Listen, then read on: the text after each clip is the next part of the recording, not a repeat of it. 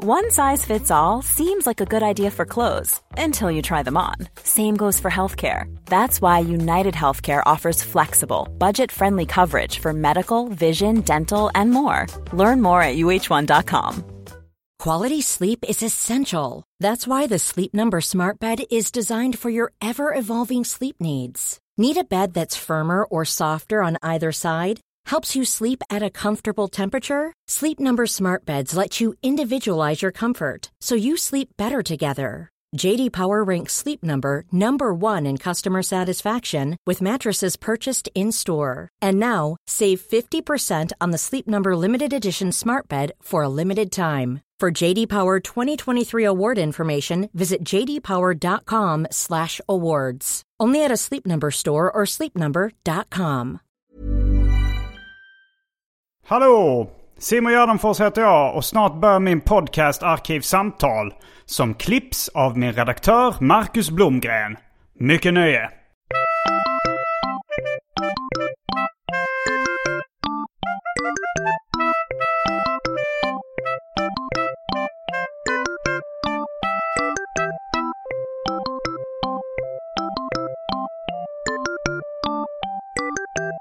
Hej och välkomna till Arkivsamtal. Jag heter Simon Gärdenfors och med mig idag så har jag Johan Wanlo. Hej! Välkommen till den här podden. Vad härligt att vara tillbaka. Mm. Det är kul att ha dig här också i podden. Eh, Du är serietecknare och eh, allmän lirare är väl lite upptaget av David Liljemark som tagline. Men eh, Vad är motsatsen till allmän? Specificerad lirare. privatlirare.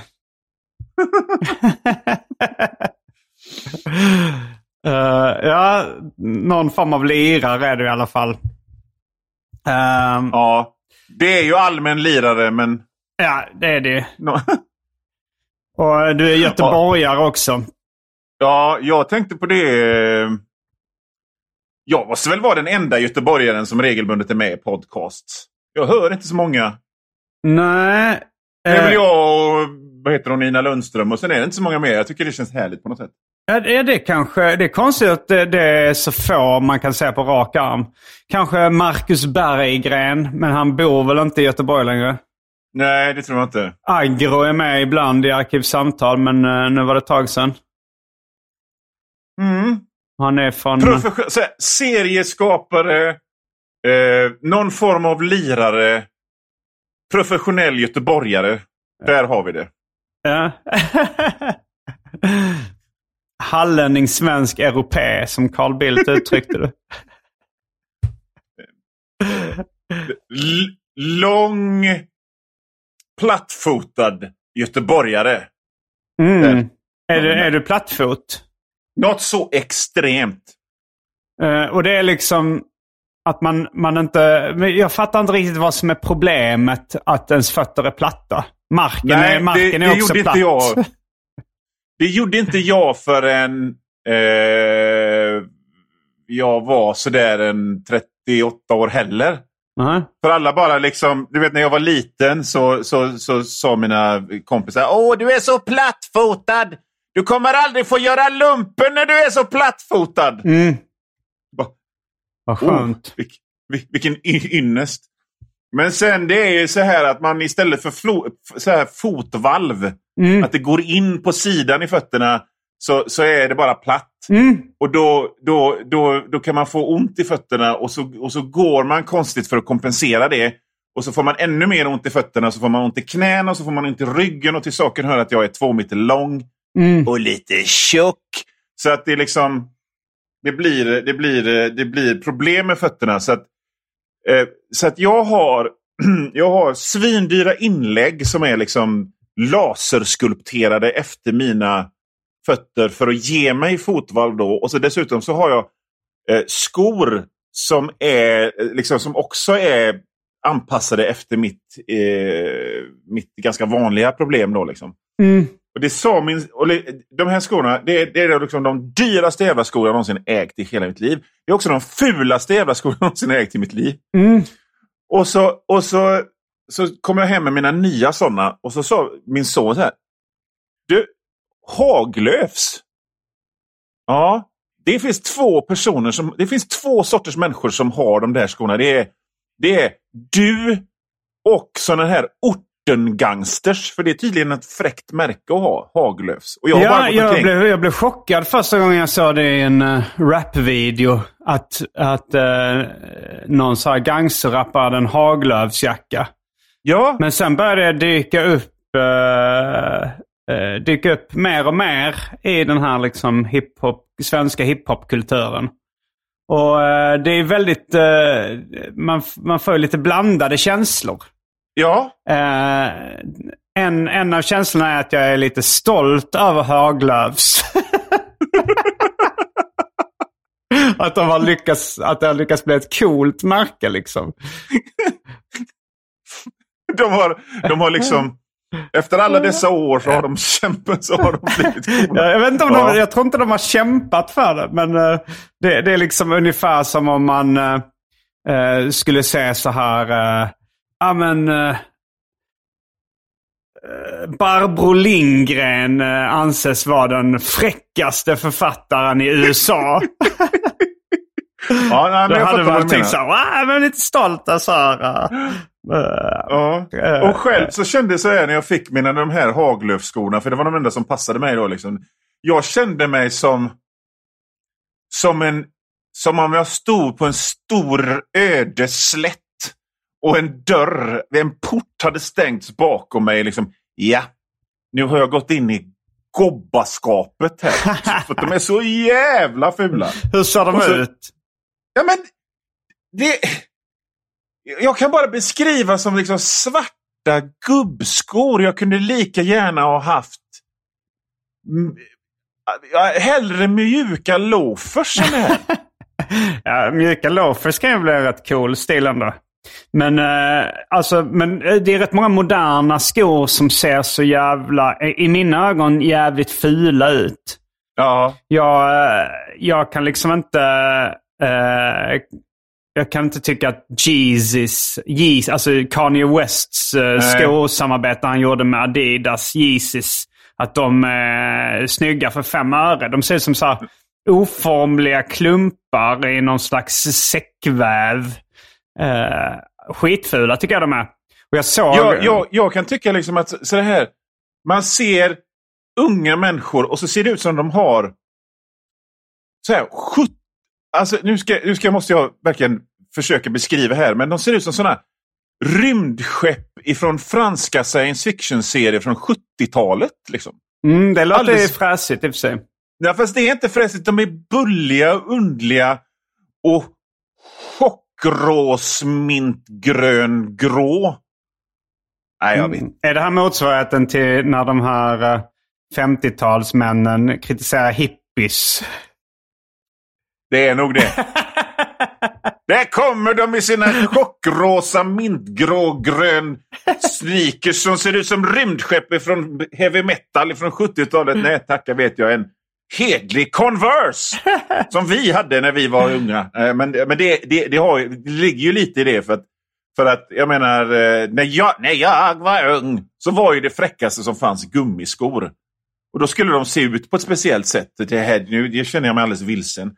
Men Det här med Haglöfs gör mig bara så här... Ja, jag känner mig senil.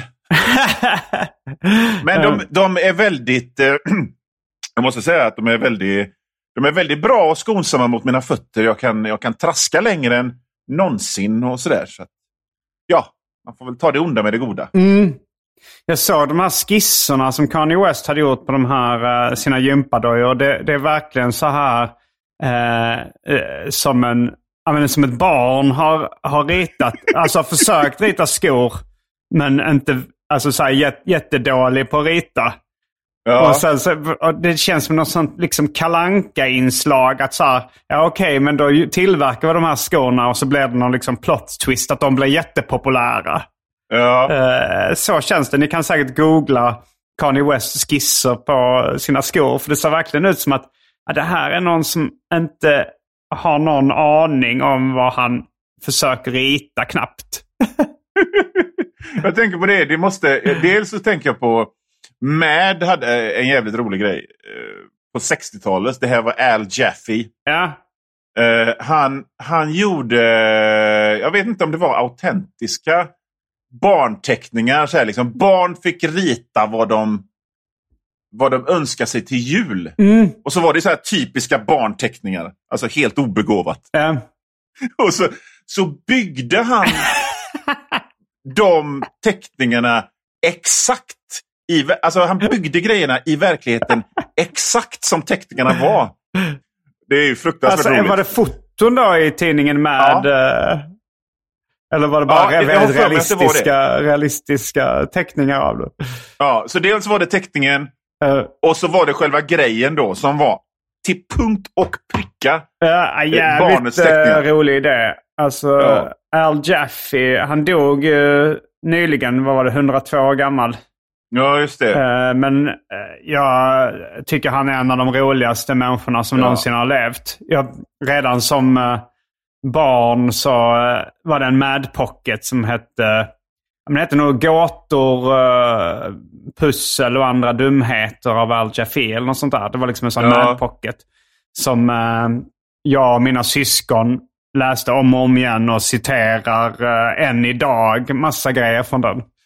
Mm. Så jävla rolig. Och sen var, uppfann han ju liksom invikningsbilden och han var, hade gett många roliga de här avsnoppade svar på dumma frågor. Och, nej, Jag är fruktansvärt en kul. väldigt begåvad människa. Jag hade...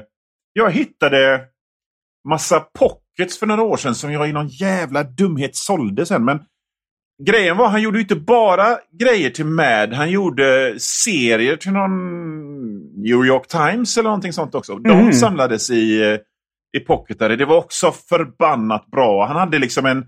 När han verkligen ville rita snyggt så kunde han rita helt fantastiskt. Mm.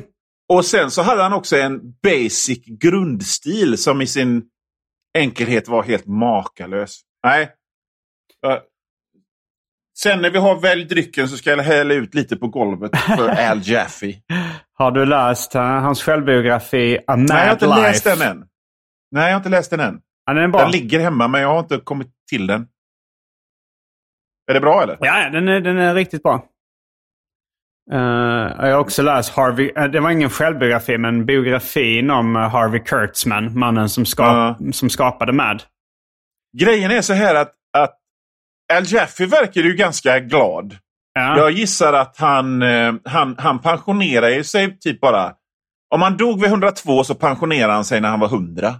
Eh, Jag tror det. Han höll på Ja. ja. något, eh, Men, något men jag har läst så många seriebiografier och det, liksom, det är ju inte någon som slutar lyckligt någonsin.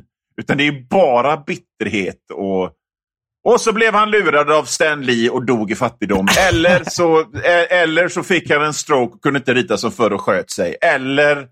Va- Vem var det? Var det Wally Det var? Wally Wood. Wood? Fick han en stroke?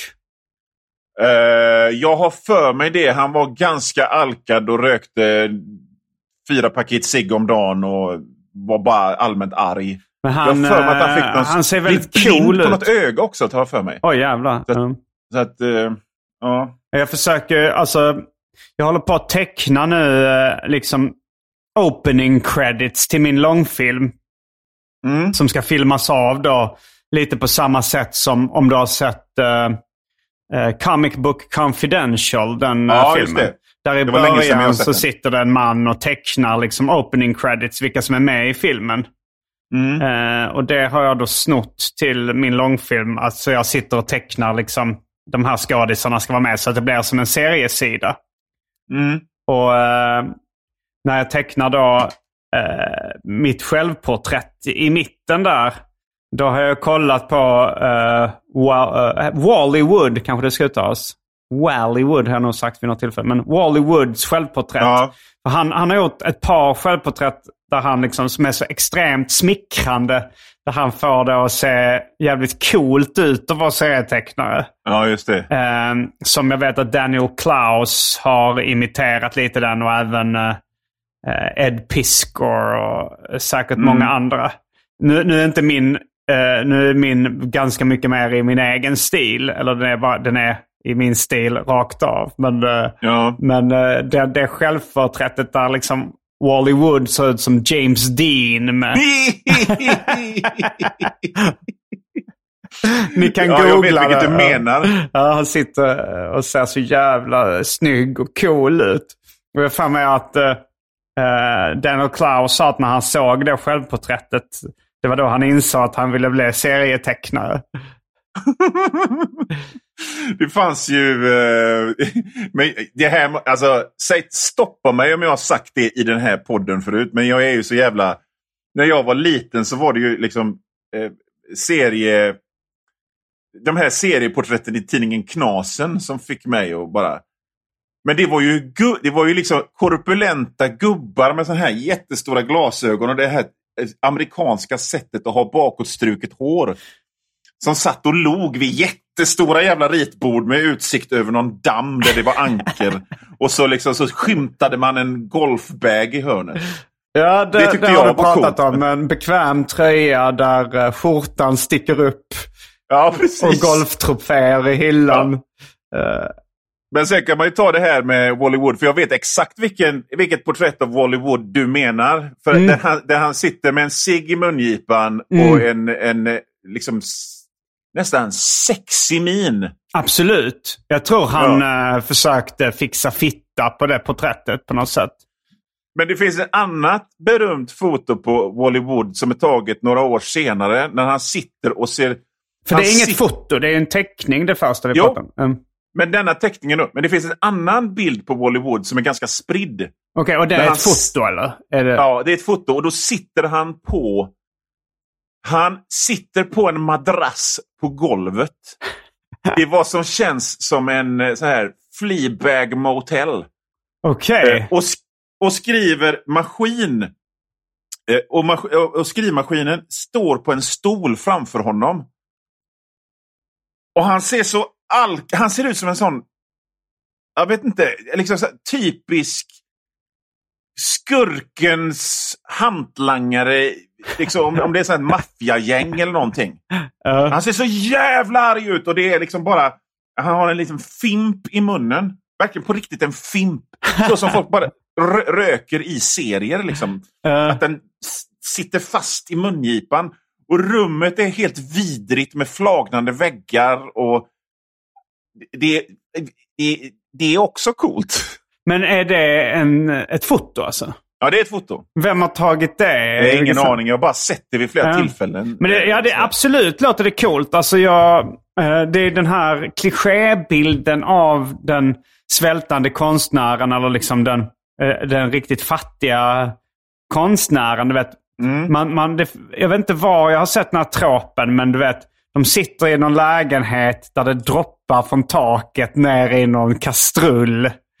och så sitter man och, och tecknar i någon så smutsig lägenhet med kanske lite eh, ja, med flagnade tapeter och lite kanske råttor eller eh, flugor eller någonting. Och Ja. man sitter På där och har, och har lappade kläder ja, på natten. Och eh, de hungriga åren liksom. Eller, Ja, eller, eller om det är bara hela livet som är så. Men det, det, känns ändå som att när jag såg den tropen som barn så tänkte jag att det här kan jag ändå tänka mig. exakt. Exakt. Även om min trop då var fryntlig gubbe i, eh, i, i, i en vinge på herrgården Eh, med utsikt över en damm som satt på ritade. Liksom Framförallt de här enorma jävla ritborden gjorde Eh. mig så jävla eh, avundsjuk. För de var liksom tre gånger en och en halv meter och det var en liten stripp som de ritade. Jag kommer ihåg när jag var liten, jag, jag, var så, jag var så besatt av den bilden. Så att, var det en speciell bild? eh, Eller var det nej, liksom... men jag var besatt av själva tropen så att jag Mm. satt och ritade min egen strippserie. Jag var väl typ 8-9 år. Mm. Och så, så gick jag ner och la dem på postlådan utan någon liksom, adress. Bara för att, nu är jag serietecknare precis som de i Knasen. Nu är jag, nu är jag precis som han som tecknar Tiger. Så, du, alltså, du la en originalseriestripp i ett kuvert som du klistrade igen? Nej, nej, nej. Du bara Jag la jag- seriestrippen, alltså bara helt fritt, originalet, Ja, i en eh, brevlåda liksom. Som, ja. Så att någon brevbärare sen kommer hitta den där och undrar vad fan det ja är. men, och jag tror till och med det var så här att eh, bre- brevbäraren ute på Hönö sa till min farsa. Liksom. Du, du får säga till Johan inte bara liksom dumpa massa grejer i, i, i, i brevlådan nere vid, vid Vivo-affären. Det Liksom för låter ju, pappa- även för att vara åtta så låter det ganska dumt att göra det. Ja. Alltså du var ju Fruktansvärt. ba barn men du hade liksom ändå börjat skolan. Så det Ja. känns väldigt så, eh, nej, det, Otroligt korkat. jag, var, det trodd, var, var det bara för känslan att du skulle liksom posta serier? Jag tror att jag, jag hade ett rikt fantasiliv och det var i princip som att jag rollspel. Jag lajvade. Jag Ja, lajvade ja, ja, tecknare. Ja, fy fan. Du har också vid något tillfälle berättat ehm, att du gillade att skita på dig som barn.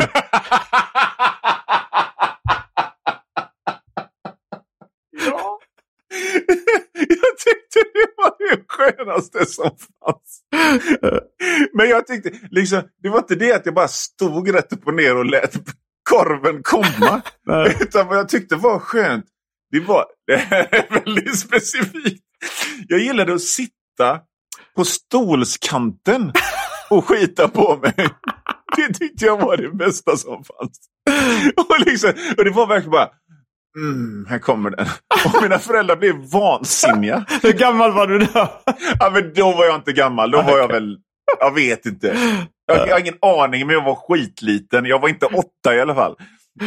Ja, nej, då måste man Men- säga att det är ett steg uppåt att uh, Men, men posta, grejen är, det inte, posta det inte serier på detta som lördag. är den stora roliga grejen med den här storyn. Jag tror jag vet vad det stod. Eh, Jag tror jag minns det här från första gången du berättade. Ja, den, den roliga grejen var att jag hängde med min farsa till typ posten. Eh, Och så satt ju folk då på den tiden bakom liksom bakom disken som var liksom som stora väggar där de öppnade eh, luckor. Och där satt Mm. jag bara, fan vilket bra jobb det här är. För där får de sitta och skita på sig.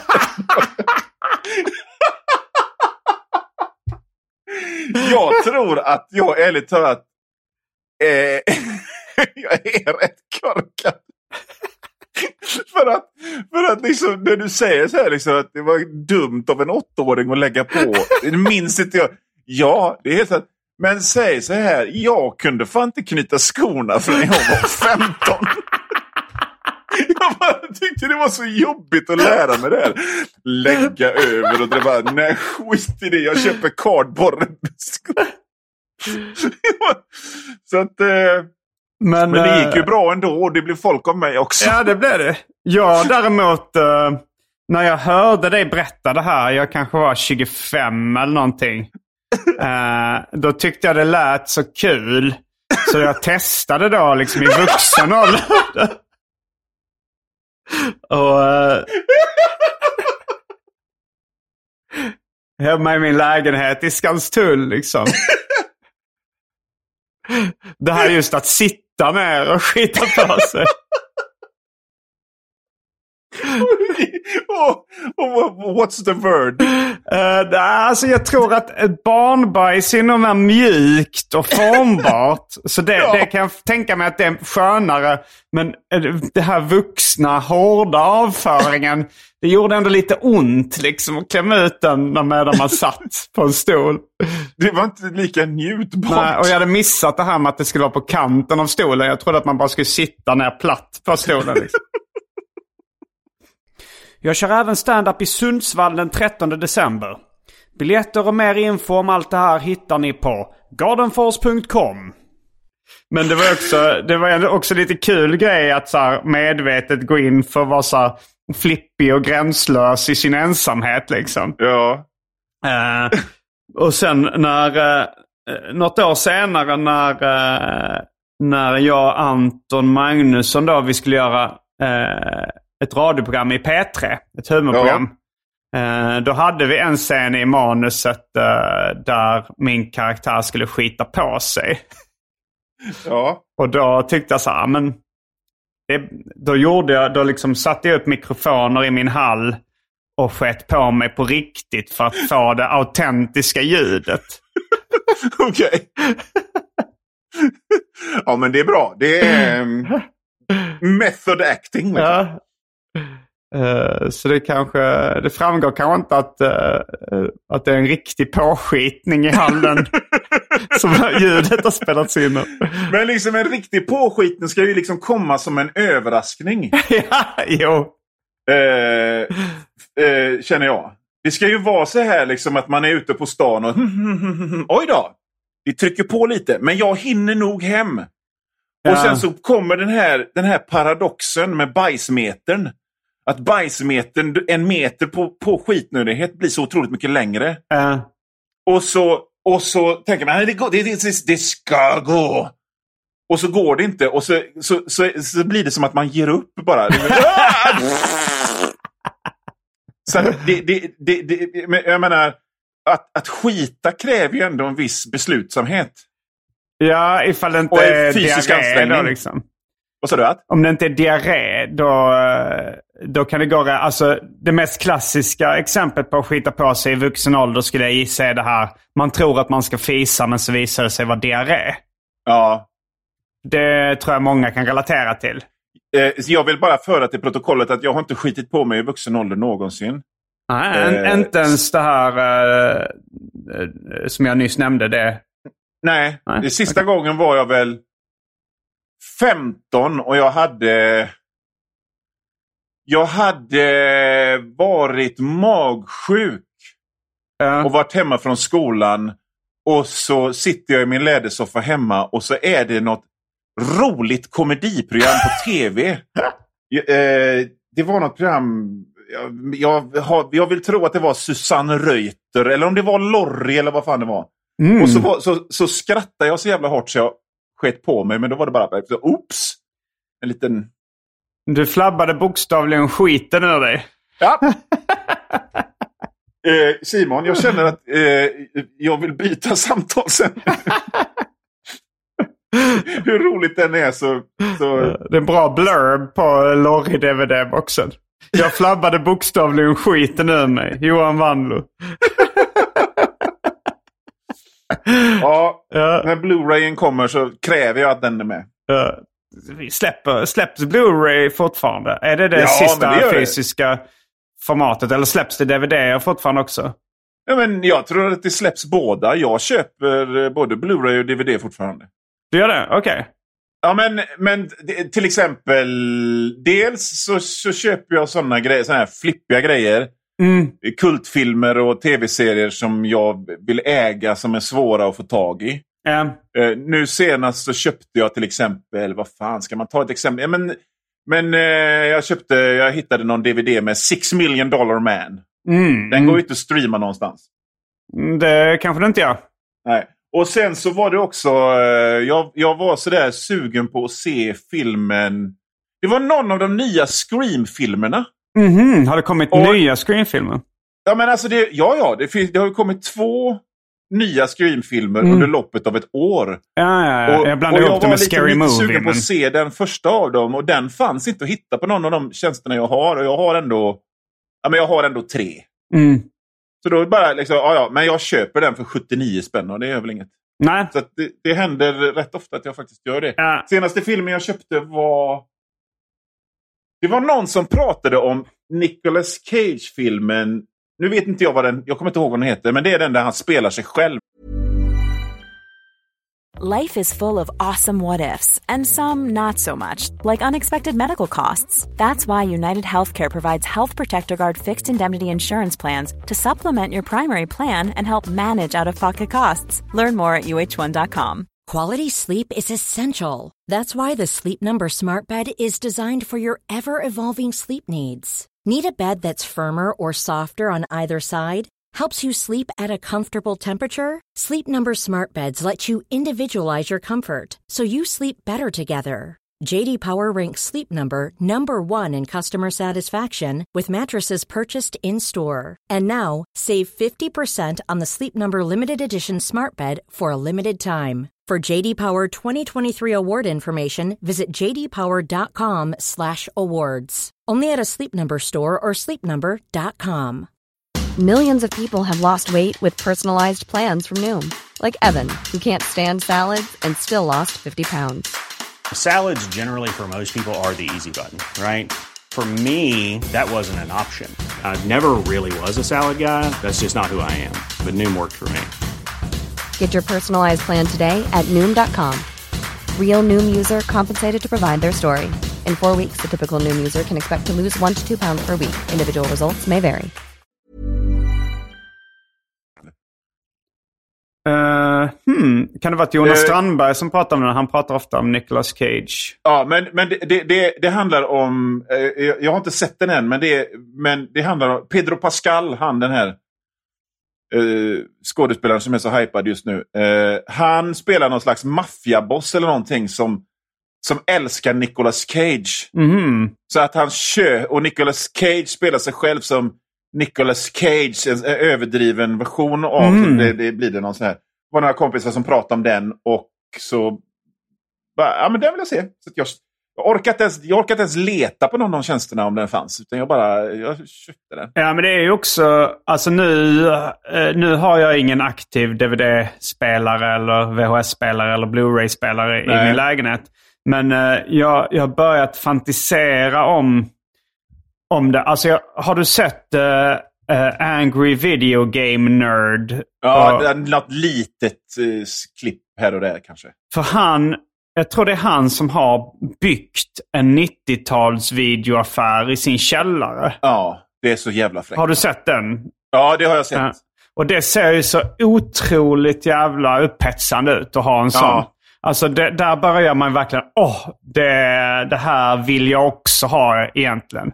Jag, Ja. jag vill göra den ännu snyggare och med, eh, liksom, med, med min smak mer. Men, men jag håller med liksom toppkommentaren eh, eh, på YouTube-kommentaren. När det står något sånt där. eh, Uh, you you built you built your own uh, 90s video store in your basement. Congratulations, man! You won at life.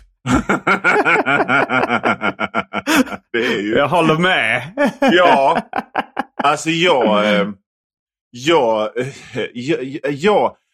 Du vet, jag hade liksom inte tillgång till video förrän ganska sent i mitt liv. Jag var tonåring sådär. Mm.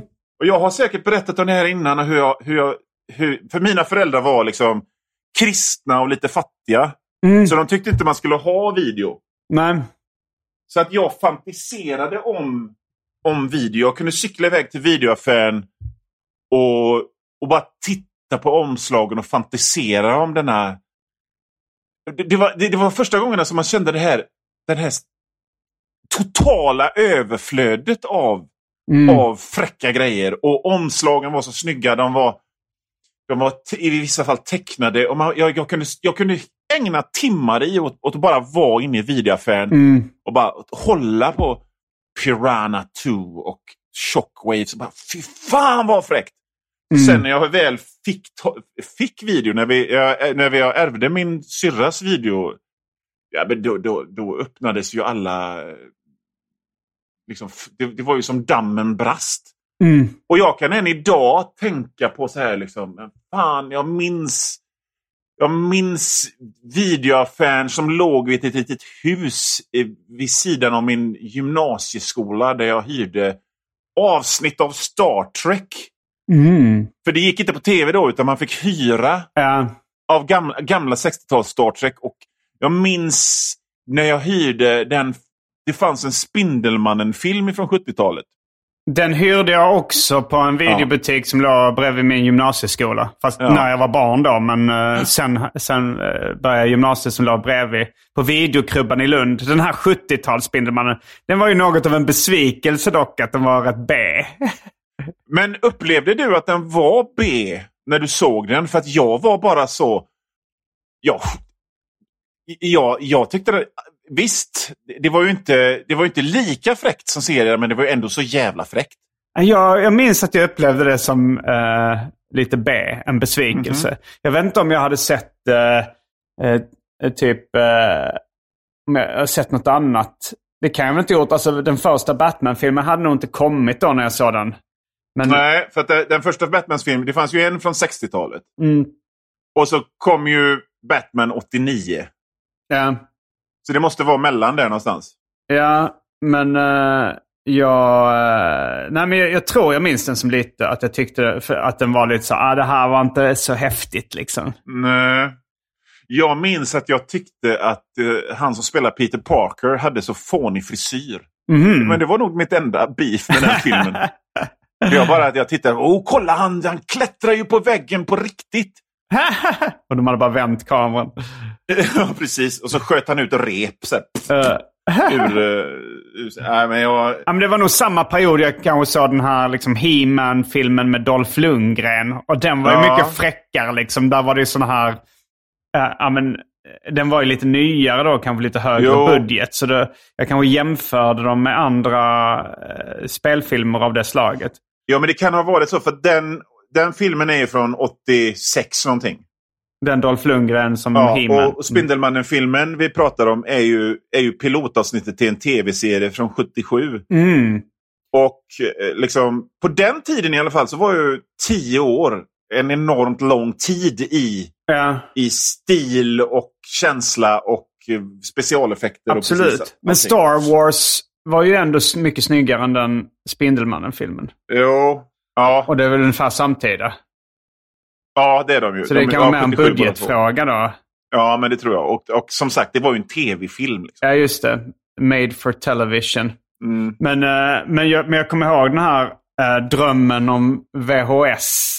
Mm. Alltså så här, för att jag, hade, jag var ju då serienörd som barn redan. Mm.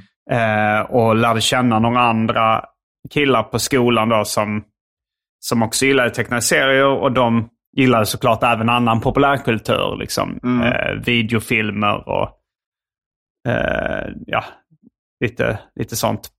Mm. Och då hade liksom eh, en av de eh, kompisarna, Per Sandén, han hade då video. Man kunde komma hem till honom och kolla på video. Det var skitcoolt liksom. Mm. Eh, och vi såg lite olika filmer. De, eh, de gillar ju actionfilm, ninja-grejer. Alltså han och He eh, Henrik Ekström då, de, de var liksom... Eh, ja, men, de, de hade så mycket mer tillgång till... Eh, för de, deras föräldrar tillät dem liksom... Eh, de hade video, de fick hyra, de fick köpa hur mycket de ville. När de fyllde år så fick de massa grejer. Mina föräldrar mm. var eh, som dina, inte kristna eller eh, speciellt fattiga utan mer så här lite kultursnobbiga. Att de ja, tyckte, ja, ja. tyckte då att eh, nej, men det ska vi nog inte ha eh, video. Det är nog inte bra. Uh, och och jag, jag ville ju jättegärna ha video men jag kommer ihåg att uh, jag kom hem någon gång och jag hade bråkat om med någon av mina kompisar, om det var kanske Per Sandén, för jag hade försvarat mina föräldrars beslut att inte ha video. trots att jag, jag, jag tyckte det var ett extremt korkat beslut egentligen. Men det var väl ja. när han hoppade på så här, varför har ni inte video? Är ni dumma i huvudet? Liksom. Mm. Och så kanske jag använde deras argument. Nej, men det är kanske inte bra att vara inne så mycket. Och andra, andra präktiga argument. Och han sa det, det där är bara skitsnack. Det. Och sen kom jag hem då och var ledsen och berättade det. Att jag hade försvarat att vi inte hade video. Men sen så sen något år senare, eller halvår senare, kan, det kan handla om månader. När man var liten var det en ja. annan tidsuppfattning. Men då, då så, sa min syrra så här. Idag så ska vi köpa både videokamera och video. Och jag bara, ja. va? Varför har inte ja. jag blivit informerad om det här?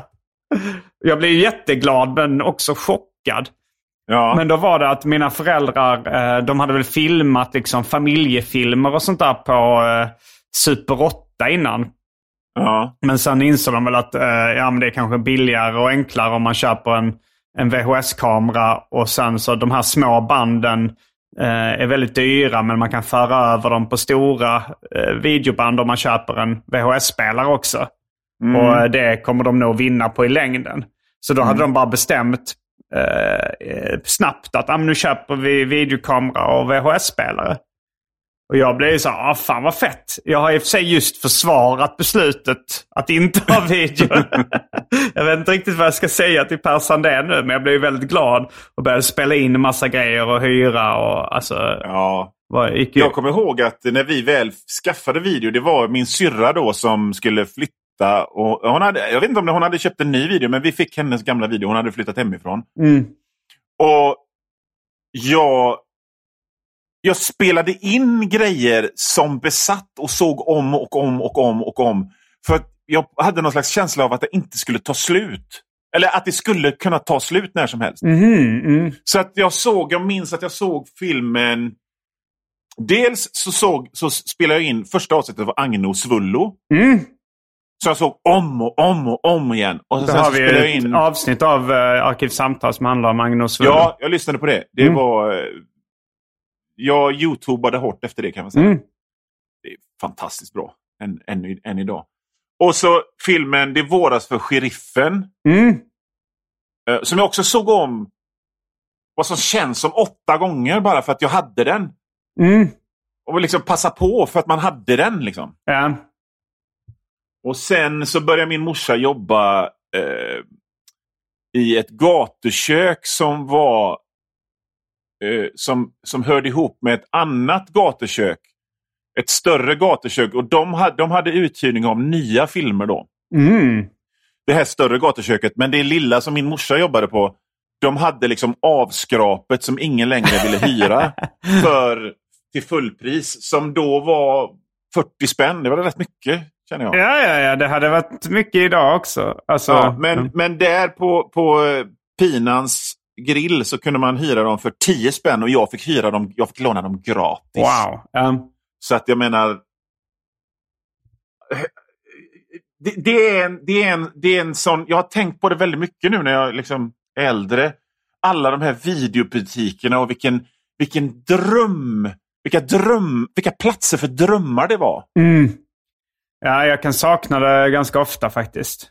Ja. Jag älskade också videoaffärerna.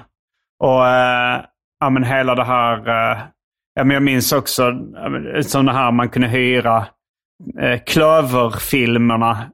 Fyra, fyra, eller var det tre klöver? Så var det liksom tre filmer, tre dygn för 33 kronor. Jo. så var det de som hade en klöver-klistermärke då. Men man, man, man, man gick ju hem med de här filmerna när man hyrde det. Eh, med en sån... Man var så pepp. Ja, jag kommer vara underhållen i flera dagar nu. Ja, Det... Ja, nej, jag blev också galen då när vi fick video. Jag började också spela in. Som en, liksom, vad ska jag spela in på tv? Jag var ju inte alls intresserad av sport eller något sånt. Men Nej, nej. eh, så var det så här, jag ska spela in hela OS-krönikan. och det gjorde jag också. Och kollade på det bara för att jag kunde spela in. Och sen... eh, eh, sen, så, sen var det väl fick låna lite, kanske så här, Helan och Halvan-filmerna, Bröderna Marx-filmer av någon på min morsas jobb.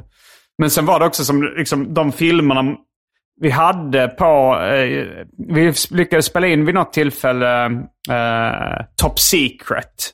Alltså den Zucker Abrams och Zucker-filmen. Så den såg jag väl liksom eh, säkert 20 gånger eller någonting. Ja, ja, ja. Och, eh, och sen hade vi Picassos äventyr inspelat också. Så vi väldigt många gånger. Och, eh, och jag köpte på Forbidden Planet när vi var i London då. När jag var kanske ung tonåring så köpte jag eh, Bad Taste. Alltså Peter Jacksons debutfilm. Oj. Som jag hade hört talas om. Och den såg jag också om och om igen. Älskade den här splatter-komedin. Liksom. Ja, ja, ja. Och sen så kommer jag ihåg att den uppföljaren då, eller Brain Dead som den hette då, eh, Peter Jacksons splatterkomedi som nu heter något. Den har bytt namn av någon anledning. Har den bytt namn? Okej. Ja, men eh, det kanske var någon upphovsrättsgrej. Men den kommer jag ihåg, Ja. den gick på bio och jag gick och såg den då när jag kanske var 15 eller någonting. Och jag tänkte, det här är för bra för att vara sant. Det här är precis vad jag vill se. Ja. Och jag, kan, jag kunde tänka mig så här, så spolar man fram tills mina barn var små. Eh, nej men säg att jag var runt eller men 10-12 år sedan sådär. Eh, så gick jag... eh, för att jag var ju, jag, jag blev ju snabbt inne eh, på skräckfilmer.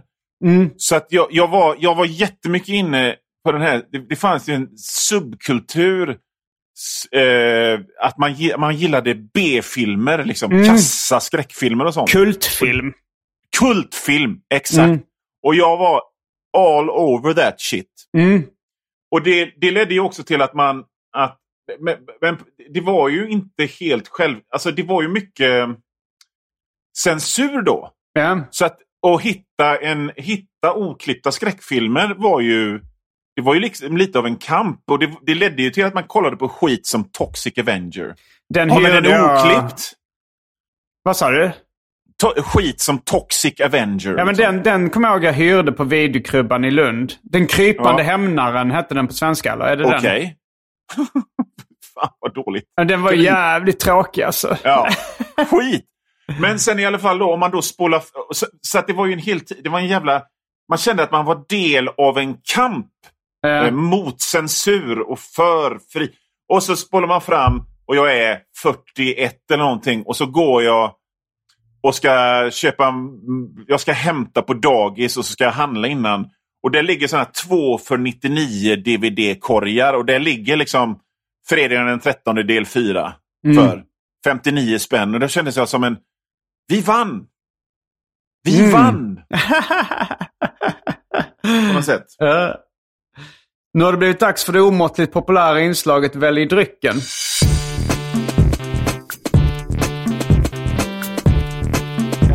Börjar med det fasta inslaget Välj drycken! Yes, vad har du för själv för drycker att välja på? Vi kan ju avslöja om ni inte har fattat att vi sitter på olika orter och spelar in. Ja, alltså om jag, jag har valmöjligheterna vatten, kaffe som i och för sig har stått sedan i somras. Eh, Alltså- och julmust. Oj, julen kom tidigt i år. Nej, Eh. men den börjar nu. Julen börjar nu. Eh, ja, jag tänker Ja. att den börjar första december. Men Nej, nej, nej. Den börjar i slutet av oktober. okej. Ja, när de börjar sälja julmust på, i affären. Jag är helt för det. Ja. Jag liksom, man blir så trött på julen. Ja, men nej, du är trött på livet. det är Men, eh, bara liksom, det, det, det, det är bara mysigt och trevligt med pepparkakor och, och, och juleskum och julmust. Och då, då kan det, det, jag, jag, ser hell, jag tycker att det har blivit en bra utveckling. Det här med att, att man firar, eller liksom åtminstone befinner sig i julstämningen från någonstans, okej, jag överdriver när jag säger oktober, men någonstans i mitten av november fram till dagen efter nyårsafton. Då är det slut. ja. Ja, men för jag, förr jag håller med. Jag tycker liksom också att det är julen varar mysigt. lite Och... påskar. Jag är helt med för att få ta det goa först. Jaha, ja, att först. Ja, jo, sen, sen blir man lite trött på julen efter nyårsafton. Det har du rätt i. Eh, Och jag är också för att börja tidigt. Men jag gillar också den här eh, att säga uh, ja, snart börjar ju julskyltningen redan i augusti om vi ska fortsätta så.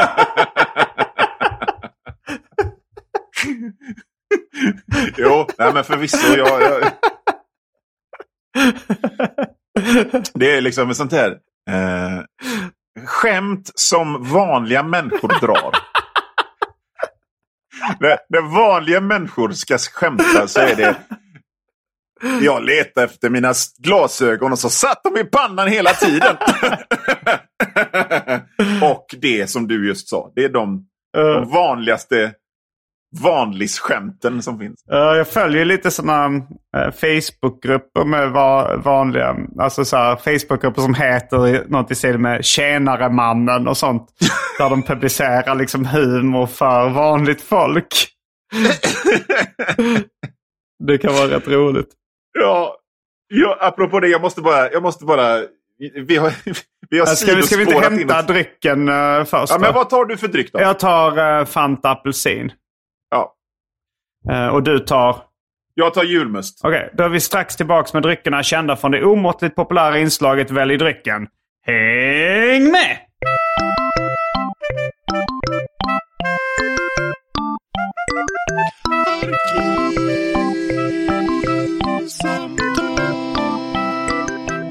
Då är vi tillbaka med dryckerna kända från det omåttligt populära inslaget Välj drycken. Och eh, du hade någon eh, tanke vi Ja, nej, men pausade grejen sig. var du, du sa, du sa Facebookgrupper för van, van, vanliga människors humor. Just det. Så jag lyssnade på, det här blir ju väldigt mycket klubben för inbördes beundran. Eh, Mm. Jag, jag, men jag lyssnade på ditt avsnitt, det senaste avsnittet med Jonas Strandberg när ni pratade om mat, äckliga matbilder. Just det. Mm. Eh, och medan, medan jag satt och lyssnade på det så gick jag in på Facebook och letade upp en sån här grupp. Och det Ja. var ju fruktansvärt roligt. Det var ju liksom en, en, en bild på på en, på en vitgrå sörja. Så bara, det här ska bli trevligt. Namn, namn. Och, jag, och jag, jag visade för min fru. Jag, jag, scrollade och skrattade och scrollade och skrattade. Eh, Och så visade jag för min fru. Kolla här vilken rolig grupp jag har gått med. Och hon fattar ingenting. Det ser ju jättegott ut ju. Va? Ja, men titta här. Det är ju, det är ju, det är ju falu, falukorv och potatis. Det ser ju jättegott ut. Nej, men, nej. Och så visade jag för min son och han bröt ihop precis som jag. Det gjorde mig jävligt glad. Men är, tack för tipset. Jag har inte haft så roligt på flera år. Då kan nästa steg vara uh, Facebookgrupper med humor för vanligt folk. det finns, alltså det är rätt mycket guld där också. Det kan vara så här, eh, Eh, de har filmat uh, någon som liksom uh, tänder en fackla och håller upp bakom sin röv. Liksom. Och så står det, när du ätit indisk mat. alltså sådana...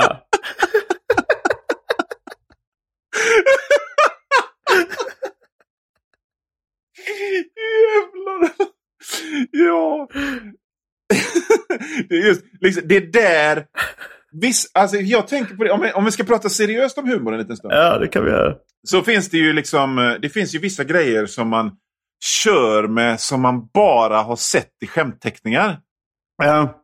Som till exempel, det enda ex- exemplet jag kommer på nu det är ju de här, det är en, det är en fluga i min soppa och så står det någon hovmästare med en duk över armen och ska ta emot det här. Liksom, det, jag, menar, det, jag har inte sett en hovmästare i hela mitt liv. Vad sa du? Du har inte sett... eh, En hovmästare med, liksom en, med en duk över armen. Och, och, jag har aldrig sett det. Liksom. det, det jag menar, det, det, det, är en, det är en grej från, jag vet inte, 65 försvann väl den sista hovmästaren. Men, men skämtformatet lever kvar. Och då tänker jag, en motsvarighet i liksom, när vanliga människor ska dra skämt, det är det här. Alla har gått vidare. Det finns ingen som tycker vitlök är den värsta doften som finns längre. Förutom där. Där. Ja.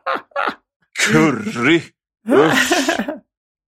För jag minns ju när liksom vitlök var det var, var det- det var ju det var alltså om någon luktar vitlök ur munnen när vi åkte på när vi åkte skolbussen ifrån Hönö till, till gymnasiet. Ja. Det, det var ju som att man, ja, för att återknyta till något vi har pratat om innan, skita på sig. ja. Det är någon som luktar vitlök här! Va? Och så, ja. Men jag kan fortfarande tycka det är rätt äckligt eh, med någon som, alltså så här, om då min fru har ätit jättemycket vitlök. Om man ska liksom eh, ligga bredvid och känna den andedräkten. Jag tycker det är ganska äckligt fortfarande. Det ska vara Okej. ganska mycket eh, vitlök då.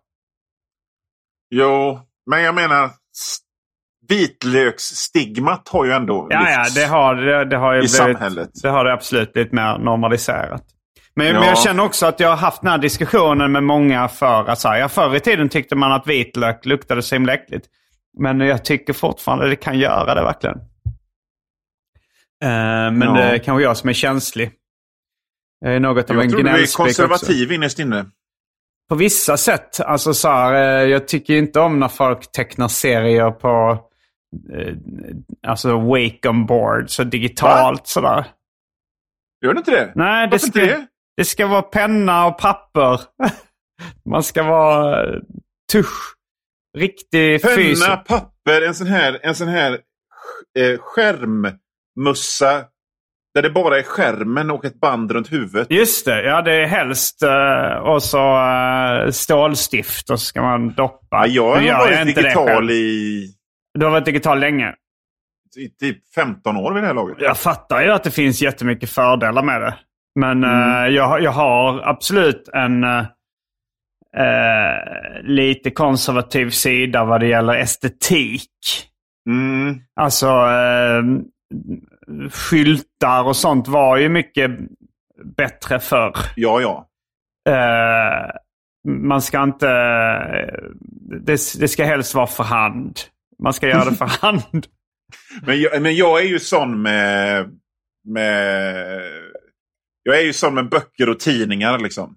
Eh, Um, jag, eh, jag, jag, jag tycker liksom när jag, när jag läser en, en tidning i, i en app så jag, jag, jag hetsar förbi på något sätt. ja, nej, jag vill Jag också tycker- helst ha på papper. Liksom. Och jag kan tycka liksom att, eh, att, att, att eh, ja, det är bättre känsla.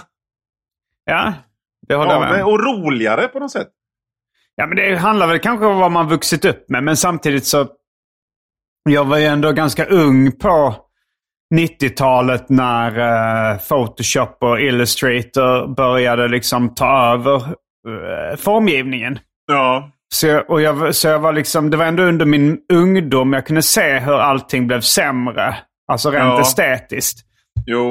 Eh, så jag, jag, där, han, där tror jag mer det handlar om en, eh, en smak och en objektiv insikt än det här att jag bara kramar det gamla. Jo, nej men det är absolut. Och idag så finns det ju mycket mer eh, eh, liksom moduler och mallar Ja. för, för formgivning som folk bara häller ner grejerna i.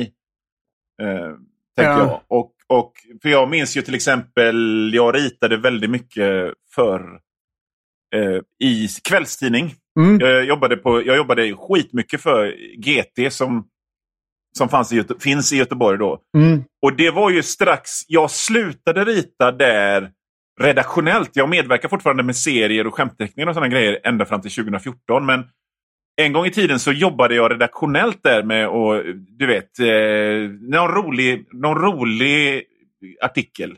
Någon snubbe hade hittat, påstått att han hittat känguruspår i sin trädgård i Kungsbacka. Mm. Och då fick jag rita något skojigt till det där. Ja. Och det var ju ändå, då, det var ju, då var ju syftet med det, det var ju att få en snygg sida. Liksom, någonting som drog eh, ögonen till sig på en sida i en kvällstidning. För att det var strax innan klicktiden. Nu är ju det helt betydelselöst. Ja. Eh, jag menar, tidningsprodukten är liksom en bi, bigrej. Eh, jag vet inte ens hur många redigerare det finns på en tidning idag, men jag menar på GT fanns det då tio kanske. Och nu skulle jag gissa att tre gör Mm. en hel tidning själv. Och bara dumpar texten i, i mallar och moduler. Det är rätt roligt när man kollar på de här papperstidningarna i butikerna nu. För då Ja. riktar sig alla löpsedlar och eh, liksom tidningsomslag då till gamlingar. Ja, ja. Att det är bara så här artros och äh, ålders... äh, alltså grejer. Det är så här, de här vuxenblöjorna äh, är bäst. Ja. Det vill, liksom, så undviker du att bli lurad på nätet. Men jag märker ju det att eh, jag är ju fortfarande med rätt mycket i papperstidningar. Och DN då som jag ritar i, den har väl en ganska bred läsekrets ändå. Mm. Men i GP, så alla som överhuvudtaget hör av sig är ju pensionerade svenska lärare. Liksom. Mm. För att det är de som läser det där på papper fortfarande. Men vad jag skulle säga om att jobba digitalt så handlar det om...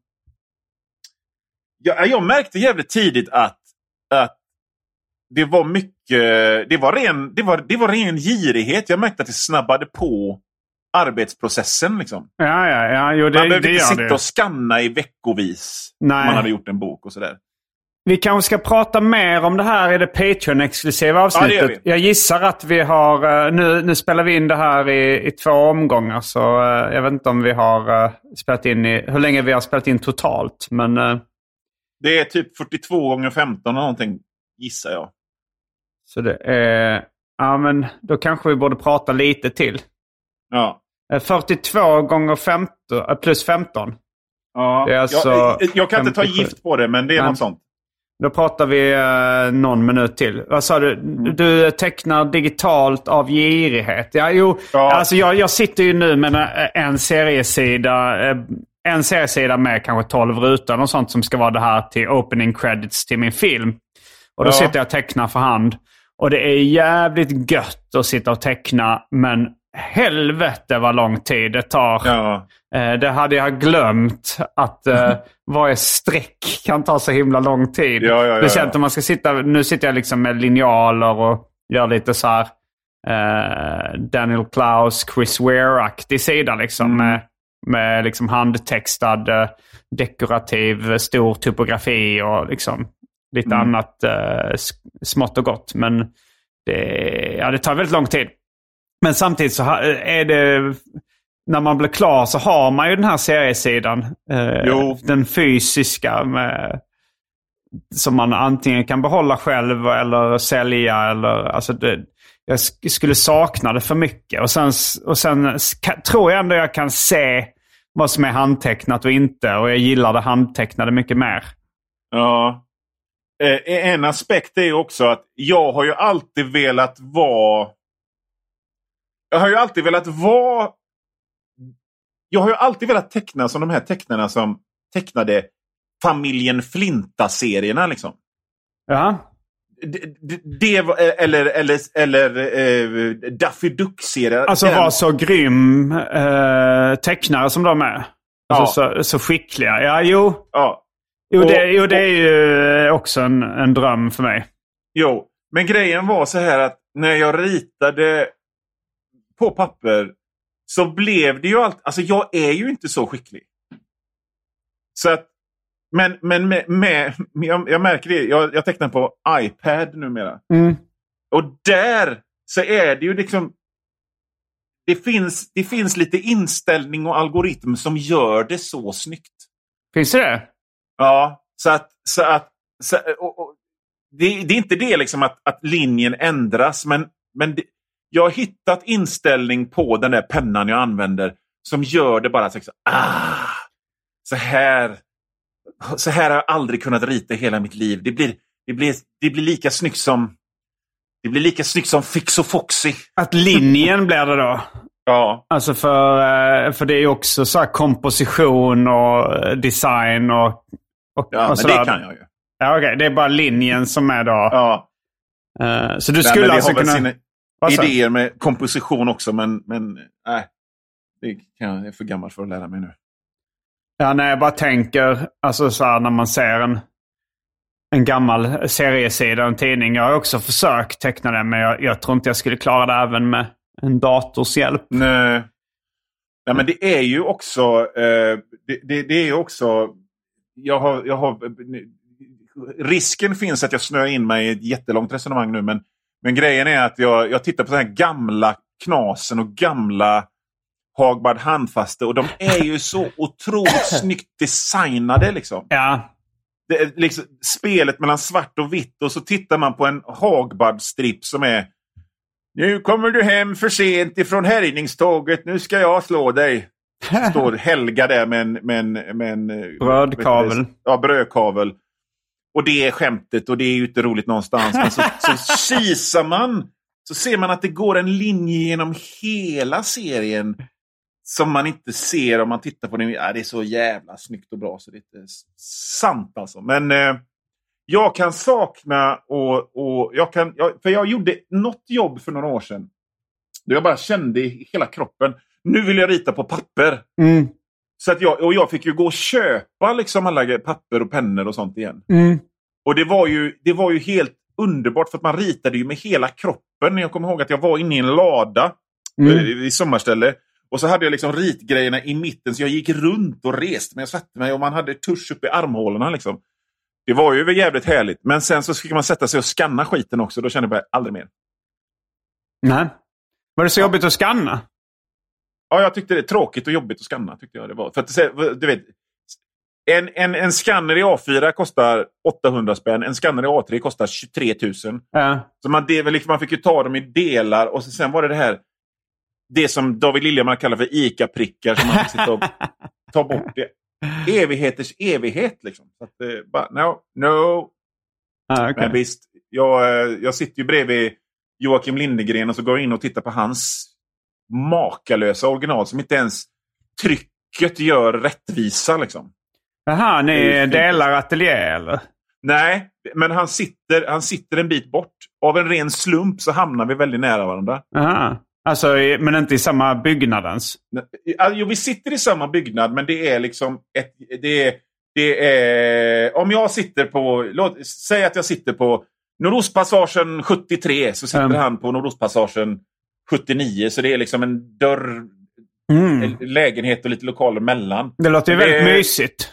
Det är väldigt mysigt. Vi fikar eh, var tredje dag ungefär. Ja. Har han, eh, han är väl rätt bra på att inreda rätt eh, coolt också. Oh, ja, det är fantastiskt. Jag får komma och göra studiebesök eh, i båda era ateljéer någon gång. Jag har ju varit i den gamla, men eh, inte den nya. Nej, han är, han är bra på det här med mysighet. Det är ju Mm. jag, men... Riktig mysfarbror. Men eh, nu tror jag vi har eh, fyllt eh, de här eh, 60 till 70 minuterna. Ja, och då så tackar jag dig för att du medverkar i det här ordinarie avsnittet av eh, Arkivsamtal. Hoppas att du hänger med in i den Patreon-exklusiva delen. självklart. Härligt! Varje vecka så släpper jag ett bonusavsnitt av den här podden exklusivt för er som donerar en valfri summa per avsnitt på patreon.com arkivsamtal. Patreon.com arkivsamtal alltså. Det finns redan över 40 exklusiva avsnitt som du får tillgång till. Så det är mycket kul för valfri slant. Vill du bara vara schysst och säga tack för åratal av underhållning så kan du även swisha en slant på 0760 72 47 28. All denna info finns även i avsnittsbeskrivningen. Och glöm inte att följa mig på Instagram och andra sociala medier. Där bjuds det på gratis skämt och mycket annat. Eh, Det var allt för den här veckans avsnitt av Arkivsamtal. Jag heter Simon Gärdenfors. Jag heter Johan Wanlo. Fullbordat samtal!